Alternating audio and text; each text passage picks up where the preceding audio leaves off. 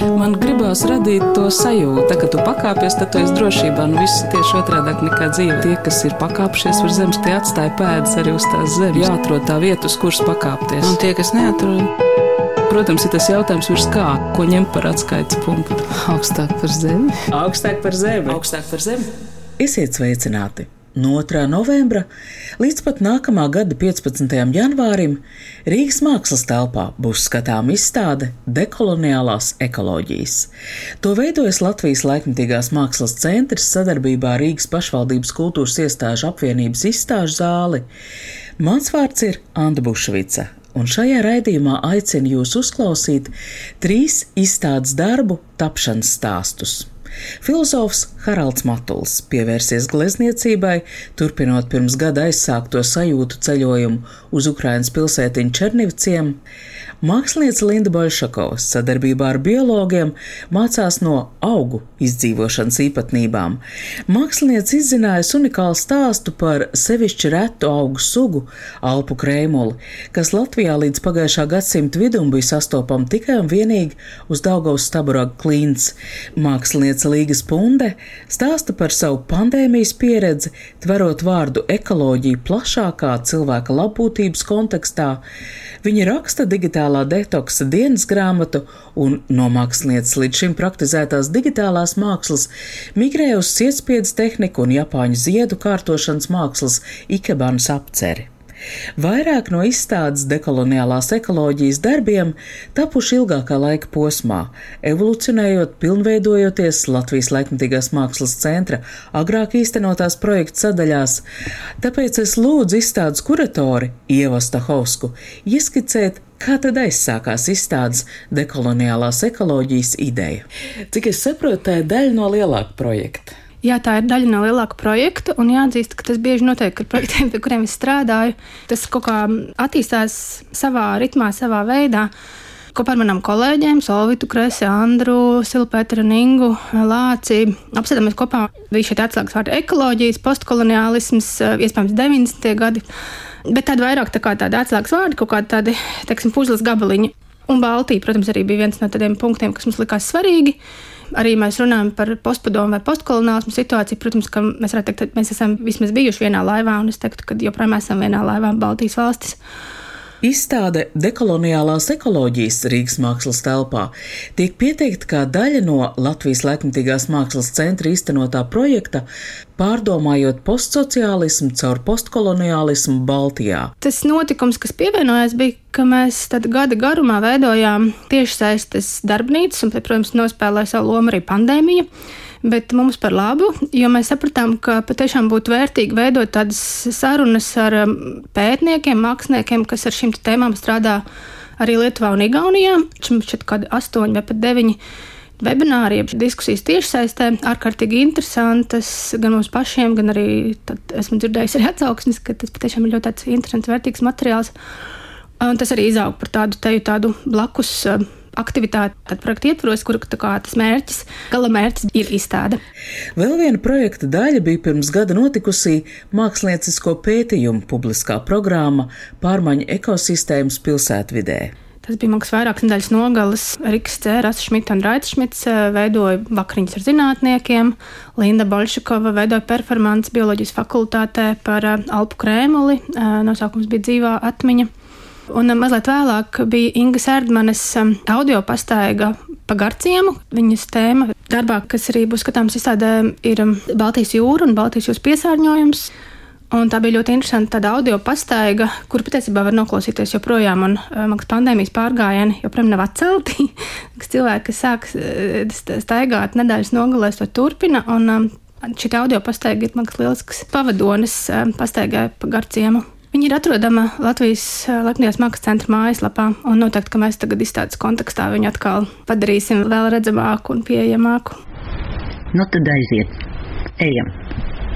Un uh, sākšu es um, ar jautājumu saviem sarunbiedriem, kāpēc mēs esam Garciemā un ar ko šī vieta ir tik īpaša. Lūdzu, Anita. Tātad Es nezinu, kā jūs braucat uz šejienu, vai jūs braucat ar auto, vai jūs braucat ar vilcienu, bet uh, aptuveni pirms garciema jūs redzat pa labu roku, braucot no Rīgas, tādu milzīgu plašumu. tas ir Eimuru polders. Un mēs šeit atrodamies faktiski Eimuru polderī, faktiski polderu sistēmā, kas ir izveidots nu, padomju gados, uh, uh, lai Arī vēl viens no maniem šodienas sarunbiedriem - filozofiju studējušais rakstnieks, publicists, kurš šai izstādē debitē arī kā mākslinieks, Haralds Matuls. Pagājušā gada rudenī piedalījās ceļojumu un pieredžu ciklā pārmaiņu ekosistēmas. Man bija tātad pagājušā gada oktobrī mums bija Liena Lācija kopīga ekskursija, kur mēs staigājām pa Černovciem un, un reizē pa Rīgu. Un man noteikti vairāk tuvākā ir tā postsociālisma un postkoloniālisma tēma, nu kā tēmas, kas īsti attiecas uz Latviju. Jo man kaut kā šķita, ka 90. bija laiks, kad mēs pārvarējām to padomju, un tad mēs vienkārši braši ejam uz priekšu saulēnā nākotnē. Un, Un sākumā man, man pat bija zināms aizkaitinājums, ka tas postpadomju, postsociālismu atgriežas sarunā. Man liekas, nu, cik mēs varam par to runāt, jo tas jau 20 gadi pagājuši. Bet jo vairāk es par to domāju, jo vairāk es sapratu, ka iespējams tā ir tāda derīgā perspektīva, ar ko pētīt gan to, kas notiek, gan to, kāpēc kaut kas nenotiek. Un tas, kam es pievērsos, bija ne tikai tādā neitrāla koloniālisma kritika, bet meklēt, nu, kādā veidā mēs, kā latvieši, Latvijas iedzīvotāji, esam tajā ne tikai tajā vienā upuru pozīcijā, bet nu, tas mūsu novietotība tur ir sarežģītāka.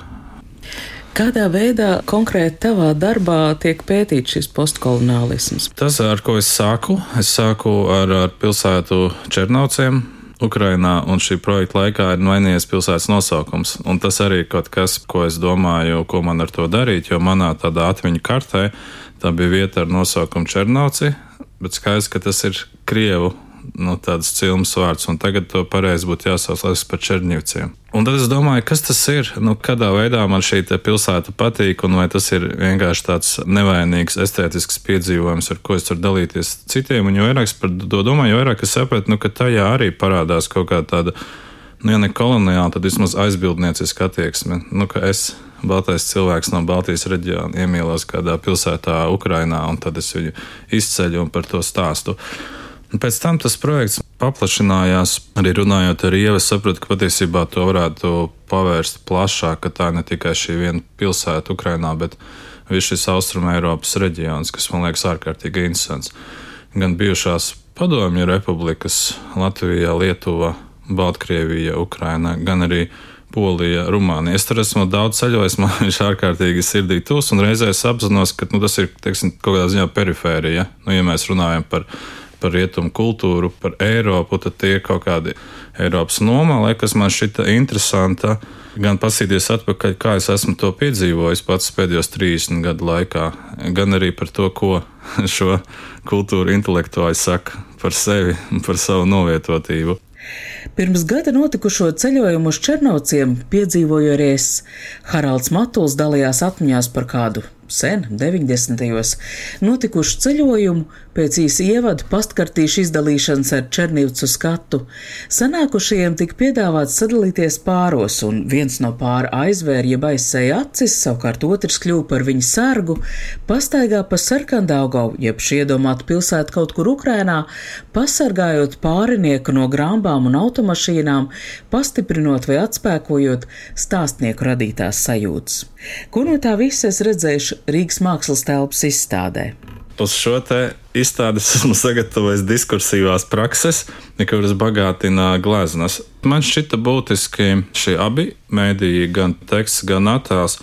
Jo kādā ziņā teksts viens pats man šķiet varbūt pārāk nežēlīgi teorētisks, un, un tad kaut kādā saspēlē ar to attēlu es jūtu, ka es, ka es daru kaut ko līdzīgu, ko es darīju savās grāmatās. Nu, kad teksts stāsta vienu stāstu, attēls mazliet kaut ko citu, nu, un tad uzmanīgam skatītājam ir iespējas ieraudzīt kaut kādu to sadursmi vai nesakritību.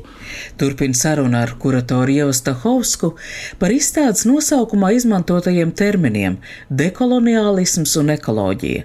Dažādos kontekstos lietot šo vārdu nozīme var būt mainīga. Jā, arī izstādē mēs šo ekoloģijas um, jēdzienu priekšstatu aplūkam ļoti plaši. Izstādē būs darbi, piemēram, par, eh, ko mēs varam saukt par mentālo ekoloģiju, jeb mūsu kā, labbūtību, par to, ka eh, šī dzīve nepārtrauktā digitālajā vidē izsmeļ, rada izdegšanu, atgūšanās notiek caur dabu, caur kādu mēģinājumu gūt harmoniju par, piemēram, cilvēku un lietu attiecībām, kas ir vairāk tāda sociālā ekoloģija. Un dekoloniāls, man liekas, ir ārkārtīgi svarīgs tāds apzīmējums vispār arī šobrīd, arī, piemēram, Ukrainas notikumu kontekstā saprast, kā pagātne turpina mūs ietekmēt, bet atšķirībā no, šī postkoloniālisma, tā nav tikai tāda sapratne par to, kā šī pagātne velkās un turpina mums būt līdzās, bet arī tāds mēģinājums to pārvarēt.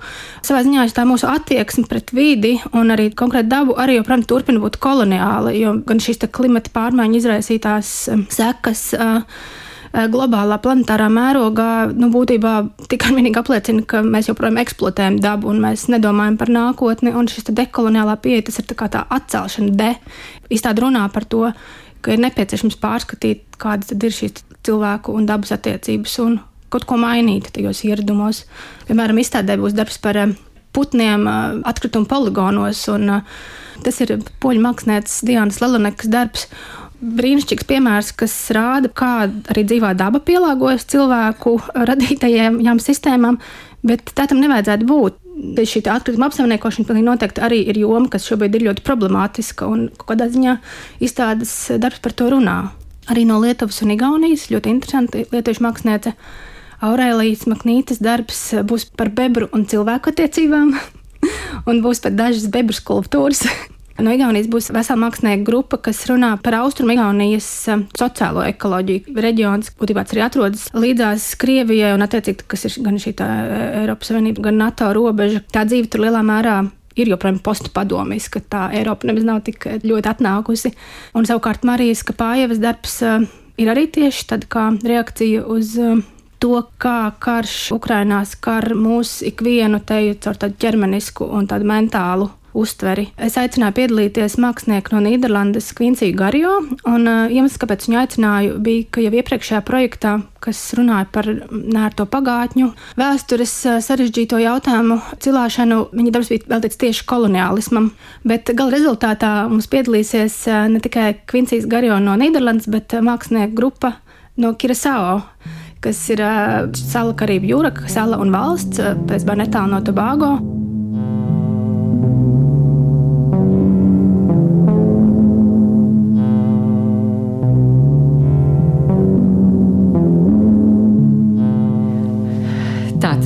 Sāku lasīt ja, vienā brīdī. Šī ir mana pirmā oficiālā digitālā detoksa diena. Esmu apsolījis sev mēģināt vismaz divas nedēļas nesēdēt sociālos tīklos, nelasīt ziņas vai ēpastus, nesarakstīties ar draugiem, neskatīties telefonā. Pēc iespējas samazināt internetā un pie datora pavadīto laiku. Tas ir nepieciešams, jo man patiešām ļoti vajag restartēt galvu. Kaut kādā mērā tas jau ir izšķiroši. Nu, tam piekrīt arī mani kolēģi, draugi. Māksliniece Līga Spunde izstādē Rīgas mākslas telpā radījusi sietspiedas darbu sēriju Maipuķiešu pušķis nogurušai meitenei, izstādes katalogam un arī kā šī darba paskaidrojums tapa kopā ar Klau Melli rakstītā autors digitālā detoksa dienas grāmata Lasa Līga Spunde. Pēdējā laikā slikti guļu un aizvien biežāk pamostos jau nogurusi. Arvien skaidrāk arī apzinoši, ka šo nogurumu nav iespējams vienkārši izgulēt. Tas ir ieēdies manā sistēmā kā tāds datorvīrus, palēlinot produktivitāti un radot gļukus komunikācijā. Bieži šādos brīžos, kad ir eh, iestājusies kārtējā mentālā un emocionālā bezspēcība, es eh, nodarbojos ar escapismu un vienkārši eju gulēt, cerībā pamosties ar svaigu skatu taču aizverot acis, prāts visbiežāk turpina trenkāt domas, tiek procesēta diena, analizētas sarunas. Nemieris nekur nepazūd, tas paliek aiz plakstiņiem. Šī sajūta varētu būt ļoti tuva tam, kā jūtas dators, kad tam tiek izslēgts monitors, bet atstāts renderis uz visu nakti. Ekrāns ir tumšs, bet iekšējie procesi turpina malt. detoks panāca vajadzīgo efektu. Jums kaut kā izmainījās tas skats uz pasauli? Nu, teiksim tā, šī te projekta ietvaros man nebija laika vairs sēdēt pie datora.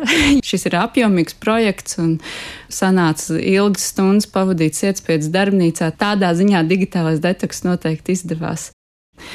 Par laimi man piezvanīja M un, uzklausot manas analogās gaudas, uzaicināja dažas dienas paciemoties savā lauku mājā. Nolēmu tā arī darīt. Digitālais detoks laukos tomēr izklausās daudz reālāk nekā pilsētā. Gal galā būt dabā ir veldzējoši. Protams, šī mana vajadzība pabūt dabā nekādā veidā nav unikāla. Tā šķiet vienkārši cilvēcīga varbūt pat pārāk cilvēcīga. To mums lieliski atgādināja arī pandēmija. Un pandēmijas laikā arī nebija baigi daudz citu variantu, kur pavadīt savu brīvo laiku, jo viss vienkārši bija slēgts. Taču man vienalga šķiet, ka šie festivāla cienīgie pūļi, kas nedēļas nogalēs plūda dabas taku virzienā, vēl vairāk apliecināja mūsu kolektīvo vajadzību sarežģītos brīžos būt tuvāk dabai. Šai sietspiežu darbu sērijā kas būs attēlots? Sietspiežu darbu sērijā ir eh, ļoti daudz reižu attēlots maipuķīšu ziedu pušķītis. Šis darbs ir eh, veidots tā, ka katrs pušķītis ir unikāls, jo tas ir spiests eh, pa ziediņam, pa lapiņai. Katra šī kompozīcija ir organizēta individuāli, ar tādu floristikas piegājienu drīzāk, un tas nozīmē, ka šie darbi sastāv no ļoti daudziem, precīzi 35 lejeriem, un tas nozīmē, ka ir 35 krāsu slāņi. Kas jūs tā piesaista tieši puķēs? Pavadot dienas M lauku mājās, es sāku pierast pie savas digitālās diētas un nedaudz zaudēju iekšējo spriedzi. Reizē sāku atcerēties, kas ir tās lietas, ko cilvēki dara, kad viņiem nav ko darīt. Vakar, piemēram, izrevidēju M bibliotēku. Starp daudzajiem padomu laika augļkopības un dārzkopības grāmatām atradu nelielu grāmatiņu par ikebanas mākslu. M pavisam nesen to bija atvedis no sava Japānas ceļojuma. Ikebana ir Japāņu ziedu kārtošanas māksla. Termins veidots no vārda ikeru, kas nozīmē dzīvība, jeb dzimšana, un hana, kas nozīmē puķe. Ikebana cēlusies 6. gadsimtā no puķu dāvināšanas mirušo dvēselēm. Ziedu kārtošana ir brīdis, kad cilvēks sajūt tuvību ar dabu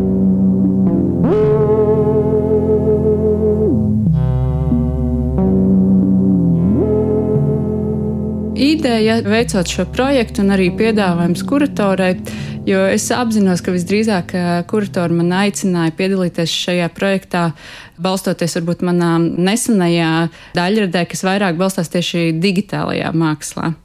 Un līdz ar to es arī apzinājos, ka atbildot uz viņas piedāvājumu ar sietspiežu sēriju, tas varbūt nav gluži tas, ko kuratori no manis gaidīja, bet man tas šķita arī kā tāds spēcīgs žests, kā digitālam māksliniekam pieteikt protestu savai jomai un nedaudz atpūsties no digitālā mēdīja un strādāt ļoti tradicionālā mēdījā tajā brīdī es atcerējos par šo savu ideju, ko es jau sen vēlējos īstenot.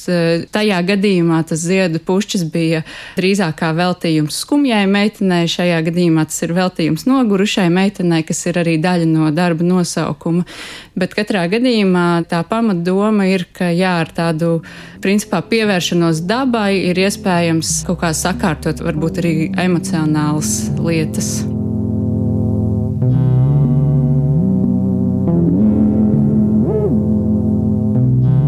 Šis digitālā deteksa projekts atgādina domu, ko nesen dzirdēju kādā stand-upā. Parastā, ne digitālā pasaule ir kļuvusi par tādu kā filmu paviljonu. Eksistē tikai tādēļ, lai mēs varētu iestudēt un ierakstīt saturu, ko ievietot daudz īstākajā, daudz reālākajā digitālajā pasaulē.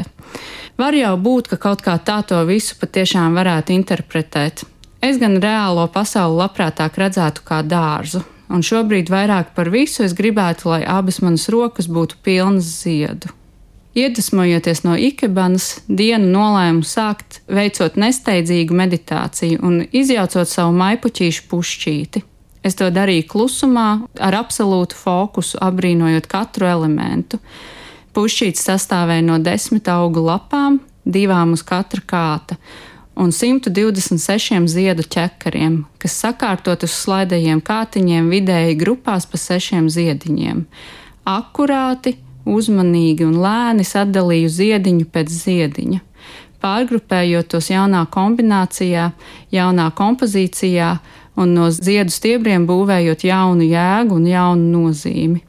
Pārkārtojot maipuķīšu ziedus, ir iespējams veidot neskaitāmas, vismaz ne manos spēkos saskaitāmas, unikālas kompozīcijas.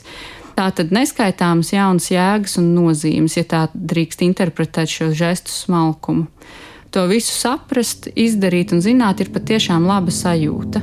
Mana pēdējā digitālā detoksa diena ir sākusies ļoti labi.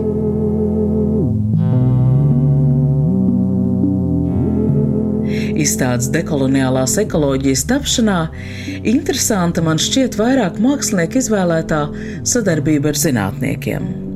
Jo pats šis formulējums, mākslinieckie pētījumi, man šķiet tāds nedzirdēts, tas jūsu radīts termins laikam tajā, protams, tiek ielikta šī nozīme, ka māksla ir par pētniecību, bet šī pētniecība ir savādāka, nevis akadēmiska, nevis zinātniska, nevis noteiktā rāmī esoša, bet tieši otrādi tā spēja radīt kaut kādas, tādas brīžiem varbūt pat paradoxālus pavērsienus un ieraudzīt lietas kaut kā negaidītā veidā.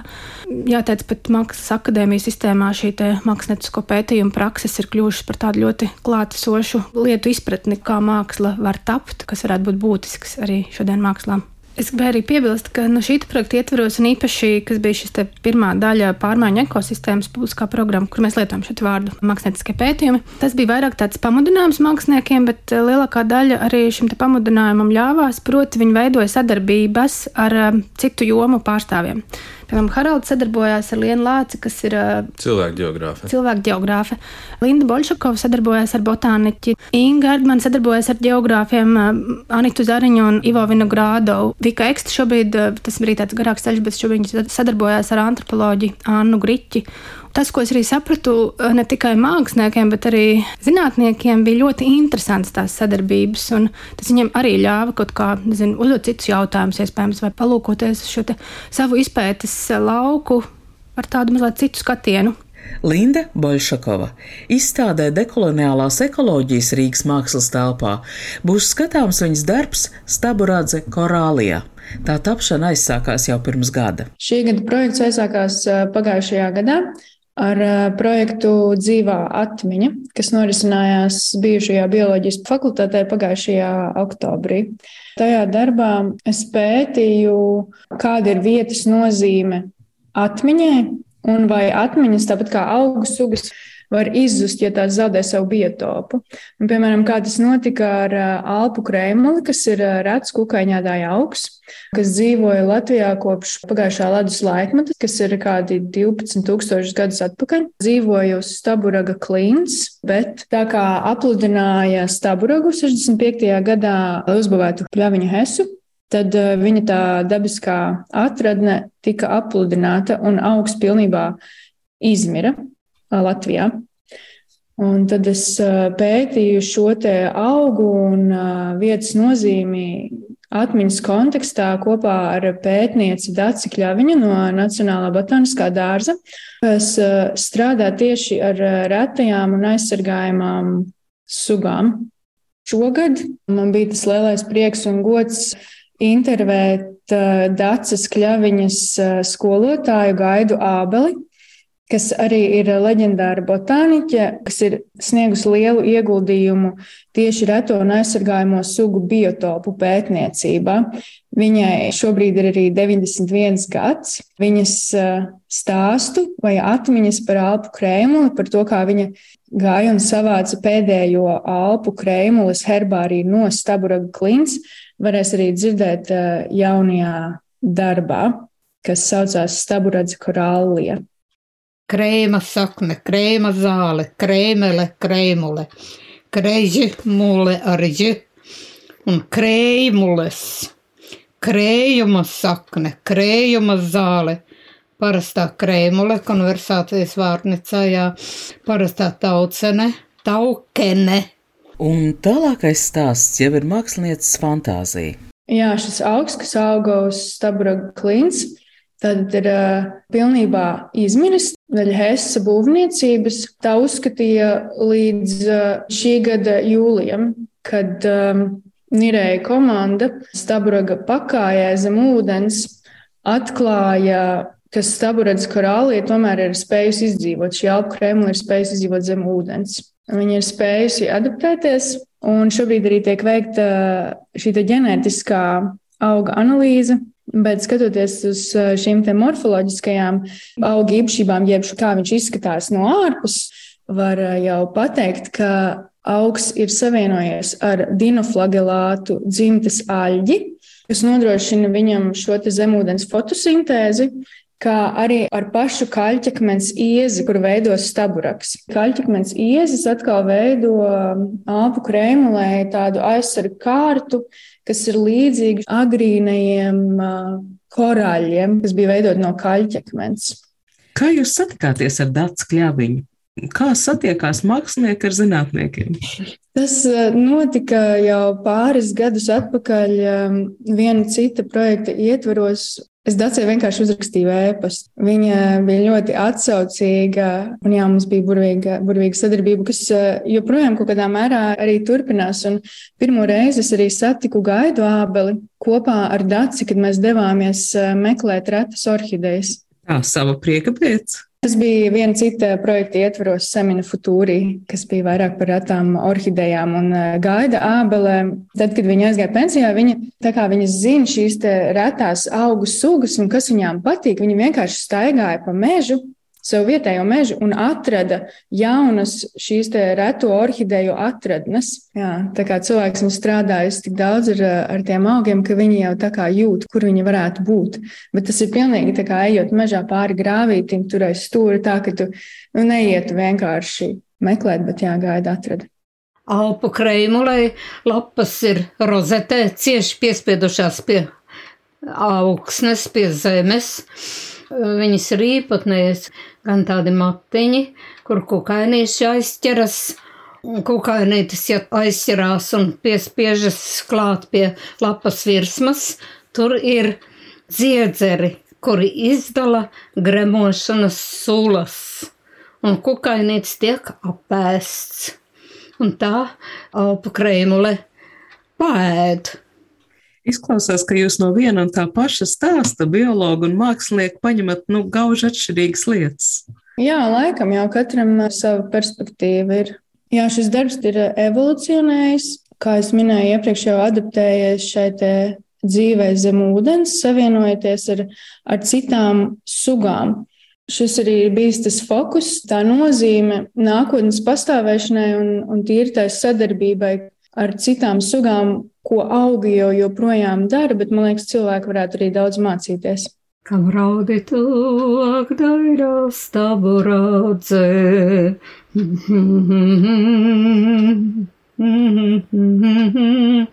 Pie tavām kājām glaužas klinšu. Un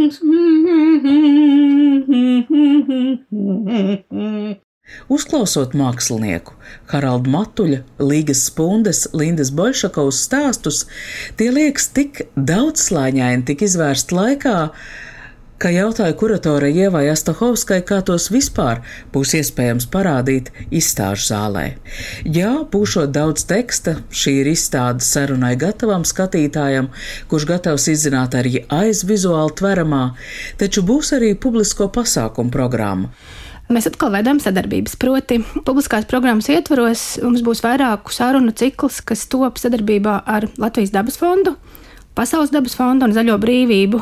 Sarunu ciklā mēs runāsim par to, kā būtībā ekoloģija ir klātsoša mūsu ikdienā. Kāda ir mīte, piemēram, par zaļo dzīvesveidu, kā, piemēram, pilsētā mēs varam veidot arī dabas bioloģisko daudzveidību. Vai, piemēram, izstādes publiskās programmas ietvaros būs arī saruna, ko organizē mana ukrāņu kolēģe Svitlana Pierdājeva. Un tajā fokus būs tieši uz to, kā karš Ukrainā patiesībā ir arī karš par dabas resursiem un kā tas ietekmē šī brīža situāciju, kas, protams, aiziet tālu aiz pašas Ukraiņas robežām, bet arī skar mūsu, nu, mūsu visu šī brīža paniku par elektrību, par gāzi. Tā, protams, ir daļa no šī stāsta par dekoloniālām ekoloģijām. Un arī publiskā programmā mēs par to runāsim. Izstāde dekoloniālās ekoloģijas, kas Rīgas mākslas telpā būs skatām no 2. novembra līdz pat nākamā gada 15. janvārim, iepazīt aicināja šī raidījuma veidotāji. Ar jums sarunājas Anda Buševica, par raidījumu skaņu gādāja Valdis Raitums. Tā kā tu pakāpies, tad tu esi drošībā. Nu, viss ir tieši otrādi nekā dzīve. Tas ir tā spēle, jā. Tie, kas ir pakāpšies uz zemes, tie atstāja pēdas arī uz tās zemes. Protams, ir tas jautājums, ko ņemt par atskaites punktu. Nē, nu, principā ir skaidrs, augstāk par zemi. Jāatrod tā vieta, uz kuras pakāpties. Augstāk par zemi. Augstāk par zemi. Augstāk par zemi.